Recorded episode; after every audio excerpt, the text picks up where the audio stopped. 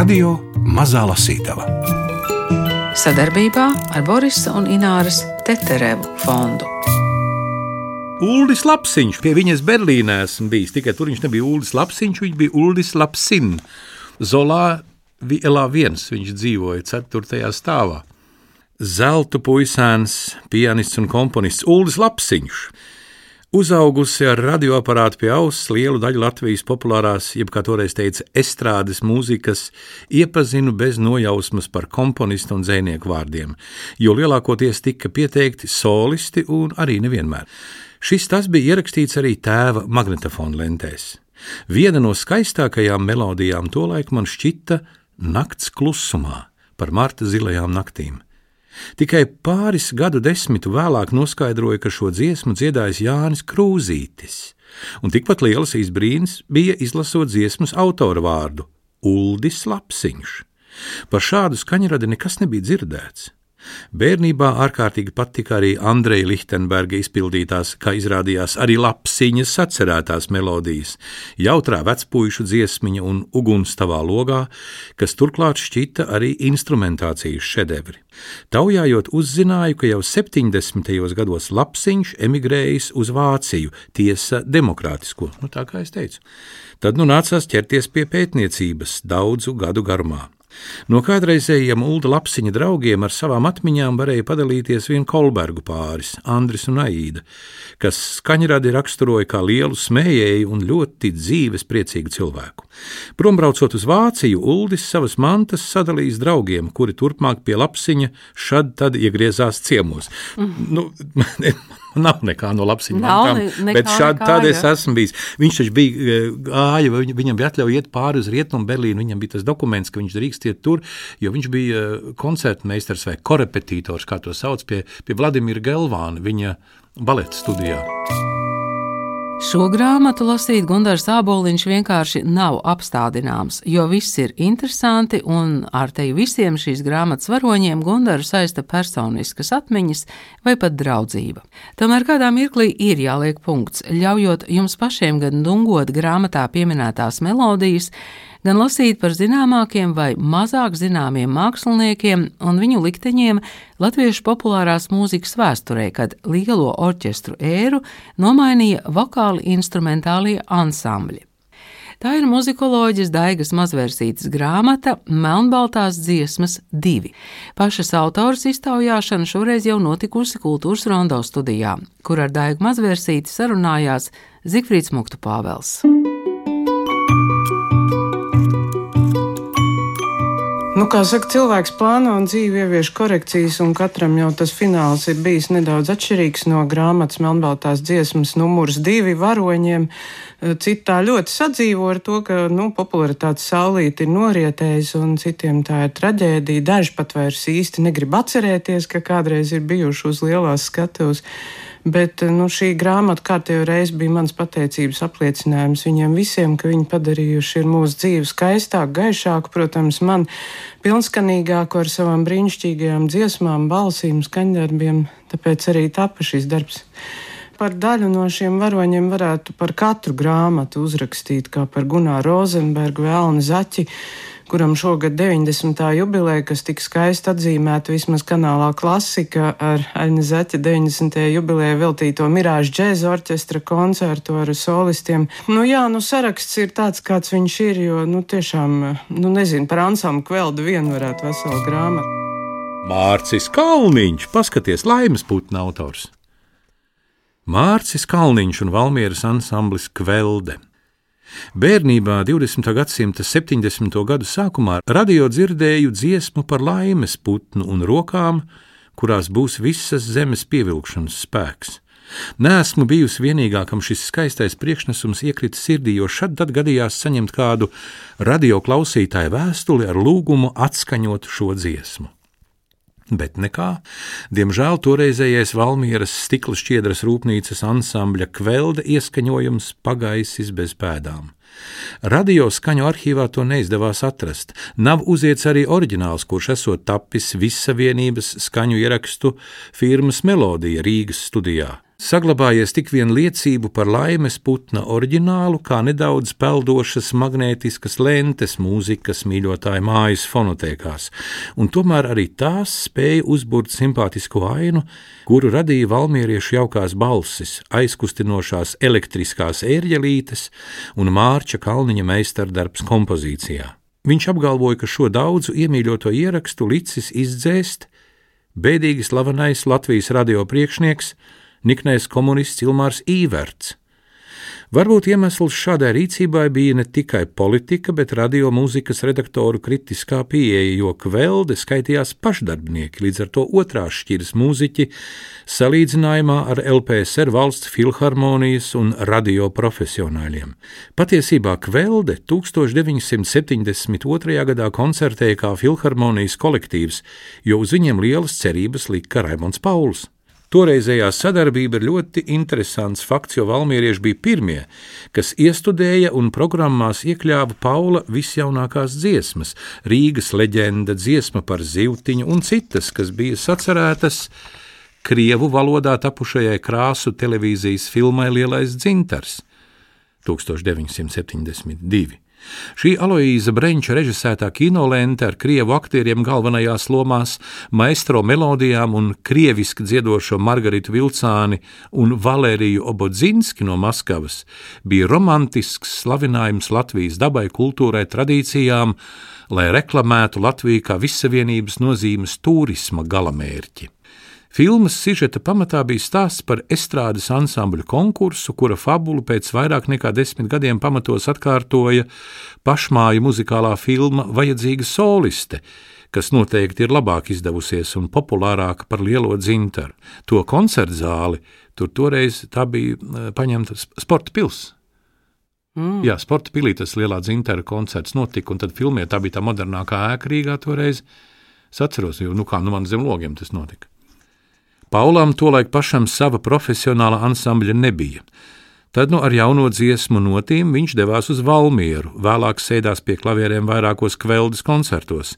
Interesanti, ka vēlāk Nora un Viktors šīs pašas dziesmas ieskaņoja studijā, tomēr nedziesmu Rīgas ugunisko kveldes sastāvā dziedāja Andris Laķis. Kādi vārdi uzrakti? Taču ansambļa repertuāra pamats tomēr bija tā vadītāja Mārča Kalniņa sacerējumi vismaz 70. gadu pirmajā pusē. Nu, man šķita tie tādi būtiskākie pieturas punkti, jo skaidrs, ka par ansambli modo es nerakstītu, jo tas ir tomēr uh, ar Raimondu Paulu cieši saistīts, un gan jau viņa dairedz nākamie pētnieki tad iedziļināsies, kas kā kurā gadā Man šķita, ka daļa no šiem pieminētajiem mūziķiem, dziedātājiem un kolektīviem ir nu, nepelnīti aizmirst, kā piemēram tā pati Kvelde Valmierā ar Mārcis Kalniņu priekšgalā, jo tā dziesma laimes putnas savulaik tika izdzēsta no Latvijas radio fondiem, vairs neskanēja, un būtībā jau komponistam tas nozīmē gandrīz vai nāvis spriedumu, ko varbūt vienkāršais klausītājs mūzikas draugs nesaprot, bet, nu, ja tavs labākais skaņdarbs vairs nekad neskanēs radio, Nu, tāpat kā Lorijas Vambuds gadījumā vai Gunāram Freidenfeldam tika aizliegt un izdzēst viņa trešā mazā skaņa plata, kaut arī par laimi izrādās šie ieraksti ir kaut kur tomēr saglabājušies, ko nezināja pats Gunārs, ja tad, kad mēs rakstījām šo nodeļu. Par viestura stepes sievu Sandra kļuva, nu tieši tur tu ielikt to, kāpēc tu tieši te ielikt? Sandra kļuva 1973. gada Ziemassvētkos. Abi beiguši dārziņu skolu, sāka strādāt operas orķestrī. Atšķirībā no daudziem, Ozolīte neiestājās konservatorijā. Turpmāk par viņas universitātēm kļuva praktisks darbs, gan kā violniecei, gan kā dziedātājai tolaik vadošajos popmūzikas ansambļos. 1975. gadā piedzima dēls Kaspars. Pēc vīra pāragrās nāves Sandrai dēlu nācās audzināt vienai, un laimīgā kārtā situāciju izglāba Andreja Lichtenberga piedāvājums muzicēt zvejnieku kolhoza ansamblī Selga. Tur violi spēlēja ne tikai Sandra, bet arī Gunta Mestere, ar kuru abām dziedātājām izveidojās arī saskanīgs balsu duets. Strādāt ar Lichtenbergu bija ļoti interesanti. Neparasts cilvēks, tāda personība, tik iespaidīgs bass, tāda dziedātāja vairs nav bijis. Piekrītu. Ne, to, to es teicu, ka es piekrītu. Viņam bija tāds šarms uz skatuves, ļoti vīrišķīgs un ļoti stingrs kā ansambļa vadītājs. Ja nokavēja izbraukuma koncertu, ieslēdzās skaitītājs un tev vajadzēja maksāt no savas kabatas. Nu jā, te ir divu vijoļu tēma attīstījās arī LPSR valsts filharmonijas kolektīvā Ulda Stabulnieka vokāla instrumentālajā ansamblī, kam vispirms tika uzrunāta Sandras draudzene Alise Ozoliņa, ja nemaldos, viņa vēl šo baldienu spēlē Latvijas Nacionālajā simfoniskajā orķestrī, Iņa un Īte, tā meitenes iesauc jau dārziņu skolā, Ar Alises ziņu tika uzaicināta Sandra, un nu atkal viņas varēja būt kopā gan uz skatuves, gan ārpus tās. Tolaik joprojām dziesmu skanējums nebija iedomājams bez vokālā ansambļa fonā, un ozolīts balss ideāli atbilda visaugstākajām profesionālajām prasībām. Stabulnieka ansamblis kļuva par papildu darbu muzicēšanai operas orķestrī, tomēr 70. gadu vidū Sandrai tikai retumis izdevās sevi apliecināt kā spožai solo dziedātājai. Zvaigžņu Ulda ansamblī bija daudz, Margarita Vilcāna, Jārs Grīnbergs, Uldis pats, un Ozolīte palika viņu ēnā. Šādā sastāvā tika iestudēta teātras dziesmu programma ar Ivaru Vīgneru Šveika un Imanta Kalniņa Liljoma dziesmām. Programma bija teatralizēta, mēs kustējāmies, ne tikai dziedājām. Skatītāji, man liekas, bija ārkārtīgi apmierināti, jo tas bija kaut kas jauns. Pēc tam Uldis man uzrakstīja pirmo dziesmu Taurinīt ar Viktoru Kalniņa vārdiem. Toreiz ierakstam Sandra atkal talkā lūdza tēvu, jo šis bija grūts skaņdarbs. Pēc gada par uzticīgu kalpošanu sekoja nākamais stabulnieku veltījums - dziesmiņa par viendienīti, arī ar Vika dzēju. Dziedātāja zvaigžņu stunda sita vien 1978. gadā, kad Ozolīte ar Harija Užāna dziesmu par visu maksāju es dārgi sasniedza sesto vietu populārajā mikrofona aptaujā. Nu, Nu, šķiet, kur gribi dzīva vēsture. Vai ne? Bet Daigu jau var tikai apbrīnot, ka viņa izroka visus tos, kā tu teici, vārdus, tos, kas varbūt nav. jā, jā, bet nav tie taču kādreiz mums, mēs esam piemirsuši, mēs esam nepelnīti piemirsuši. Piemēram, Jānis Sildeks.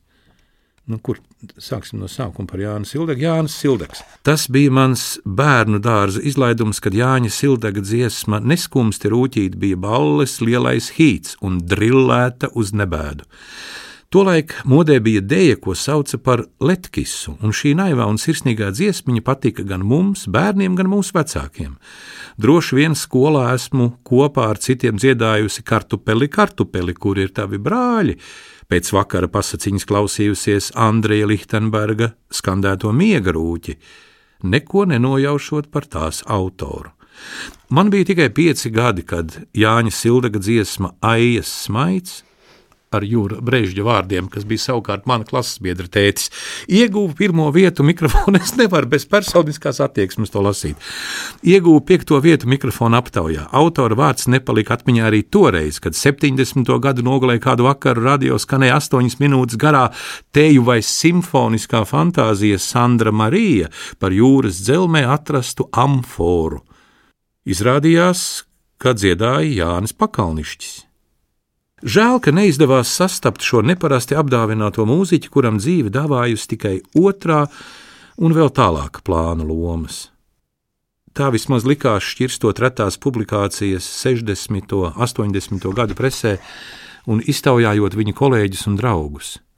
Pētniecības gaitā iepazinos ar Sildega dēliem Ivo un Uģi un viņu mammu Veltu, kas dalījās savās atmiņās, ciemojoties skaņraža mājā pārdaugavā, kur satiku arī kaimiņu Gunāru. Viņš pastāstīja, ka klavieres komponists mēdzis uzspēlēt pat nakts vidū, kas viņam gan nesot traucējis. Sildaks nebija skaļš arī ikdienā. Vienā no retajām intervijām, lūk, tas ir Jūra Brežģa darbs, tad atnāca dziesma padomu jaunatne 71. gada 8. augustā.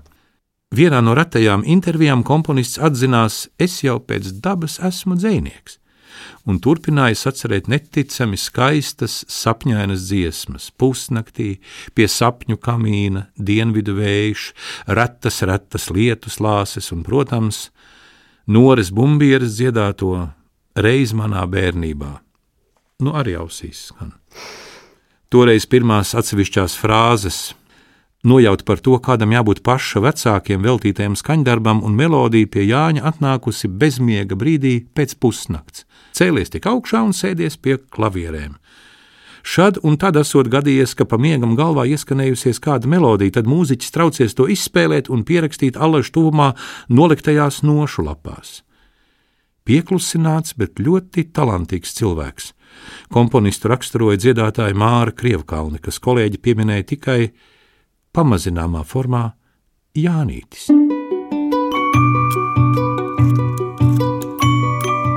Par Ivaru Igneru ir jāpalasa 47. lapas puse.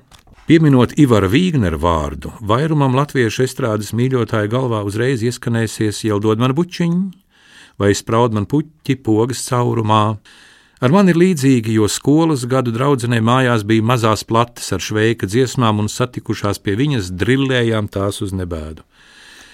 Caur sētu zaldātiem, pat durvīm oficieriem daudz nelauzīja galvu ap Margaritas Vilcānes skandētā draiskuļa songa vārda jēgu, jo izklausījās tiešām smieklīgi un aizraujoši.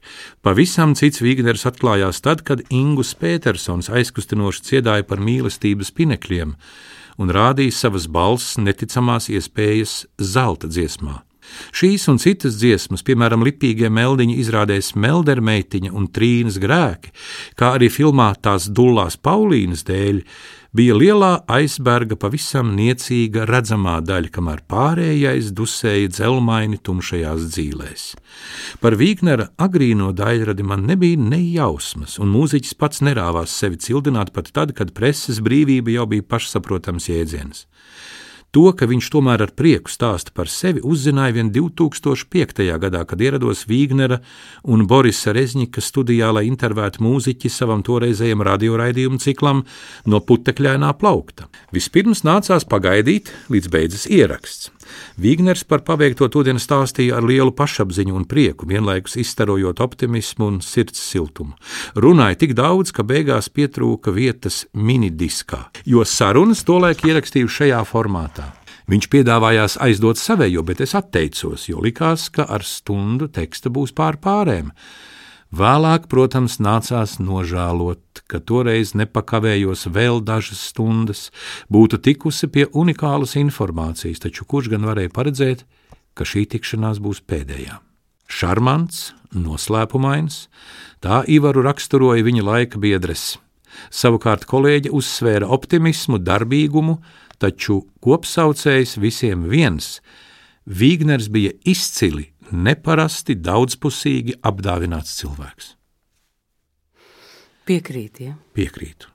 Esmu kopā ar viņu strādājis. No malas liekas, ka mūzika kā burvju vara valdīja pār viņa mūžu, kuru darbs allaž aizņēma centrālo vietu. Saistībā ar Vīgneru minēts arī vārds darbaholisms, taču tik izcils cilts pārstāvi būtu grēks mērīt ar parastu olekti, jo Tāda nebūtu derīga nec Ivara Vīgnera tēvam Leonīdam, nec vecstāvam Ernestam Vīgneram. Esmu tikusies arī ar Vīgnera māsu, grafiķi Dainu, kura Vīgnera dzīvokli Rīgā bruņuniekielā bija pārvērtusi par muzeju. Partitūru, skaņu plašu plaukti, papucīšu un mamucītas krēsli, tasīte, no kuras auza tumirītos dzēris, ģeniālais diriģents, flīģelis, ko ieskandinājuši arī Ivara pirksti, Nebija grūti iztēloties mazā zēna agros rītus, kad tēvs viņu modinājis un licis stundu spēlēt. Nākamajās stundās telpu pieskandināja pats diriģents, pie klavieriem iestudējot jaunus skaņdarbus.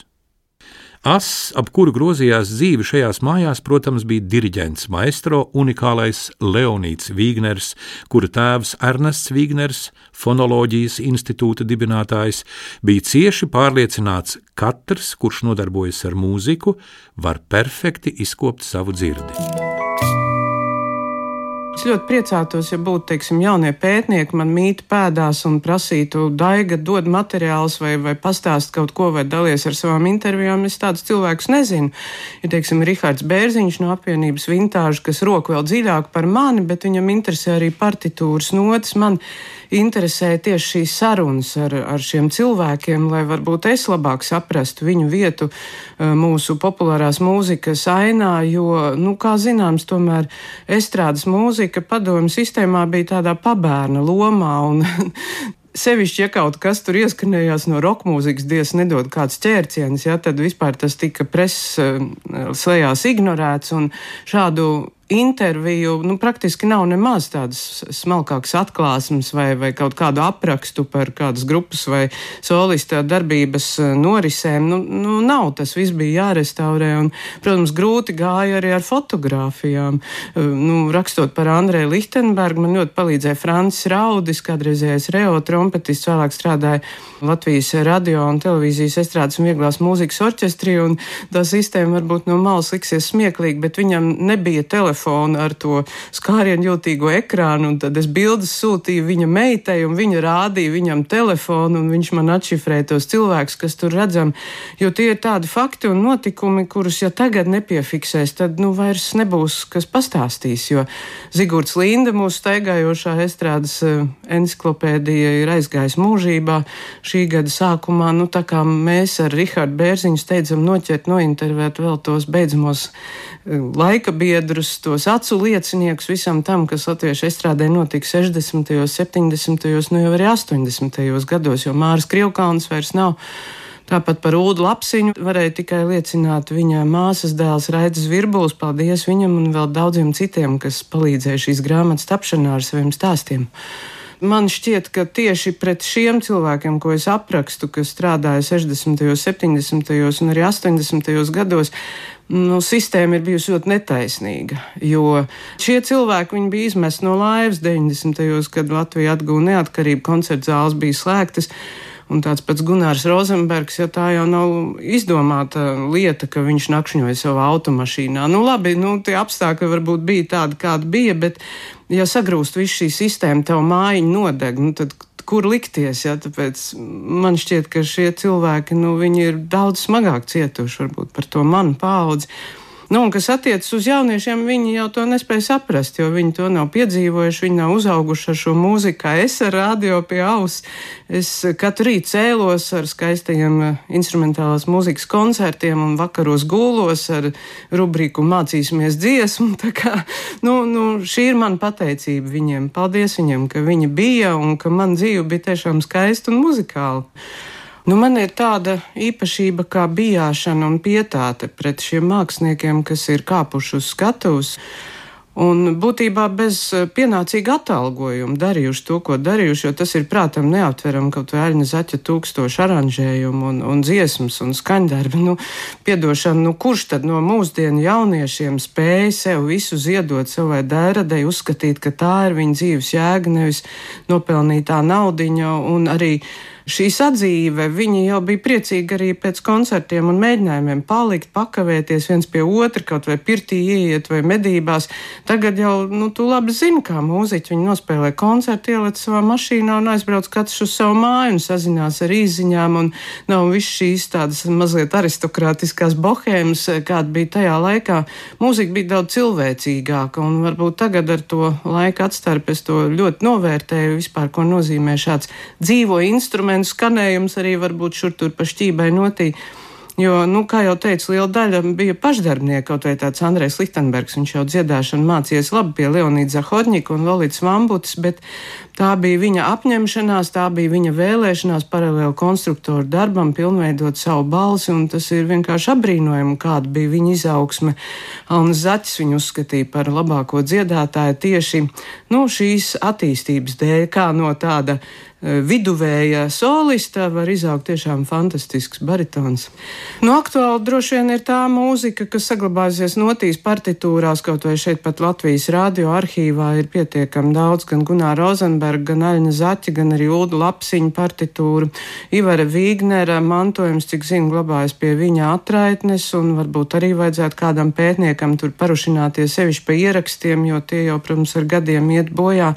Ansamblim Kvēldē ir koncerta ieraksti teksti, bet tie skan tā, ka es baidos pat Latvijas rādio tos raidīt, jo es nezinu, vai klausītājs sapratīs, bet šī mūzika man šķiet ļoti interesanta. Nu, mūsu valstī Latvijā kopumā pietrūks tādas eh, kultūras ideoloģijas, šīs te eh, cieņas pret mūsu vēstures saknēm, kas attiec varbūt ne tikai uz uh, šo te, teiksim, izklaides vai vieglo mūziku, tas pats sakāms arī par literatūru un teātru mākslu, kaut kā šī saikne ir pārauta un jaunā paudze tiešām vairs nezina, kas tas tāds Alns Zets vai Gunārs Rozenbergs vai kā Latvijas rādio bija savs orķestris, nu par Viju Artmanu tāpat var teikt, ka tā arī ir aizmirsta, jā, tie visi ir tā kā svešvārdi, un man par to ir ļoti žēl, un es jau neesmu nekāds paraugs šajā ziņā, man bērni arī knapi zina, kas ir no ar bumbieri. Nu, tajā laikā bija vienkārši, jo bija mm, ļoti stingri kritēriji, pēc kuriem zināja, vai dziedātājs ir labs vai slikts. Viņam vajadzēja būt gan stājai, gan balsī, gan pietiekamai izglītībai, profesionālismam.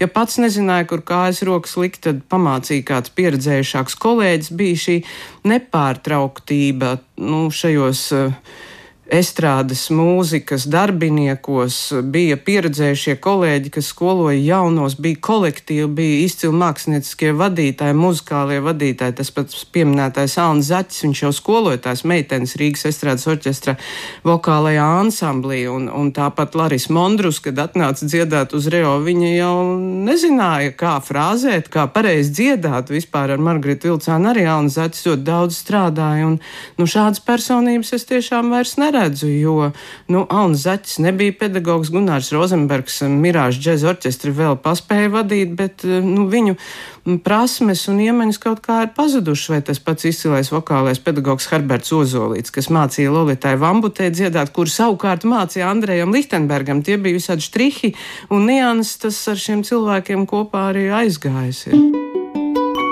Notis ir melnbaltas, un arī fotografijas ir melnbaltas, bet likteņi krāsaini.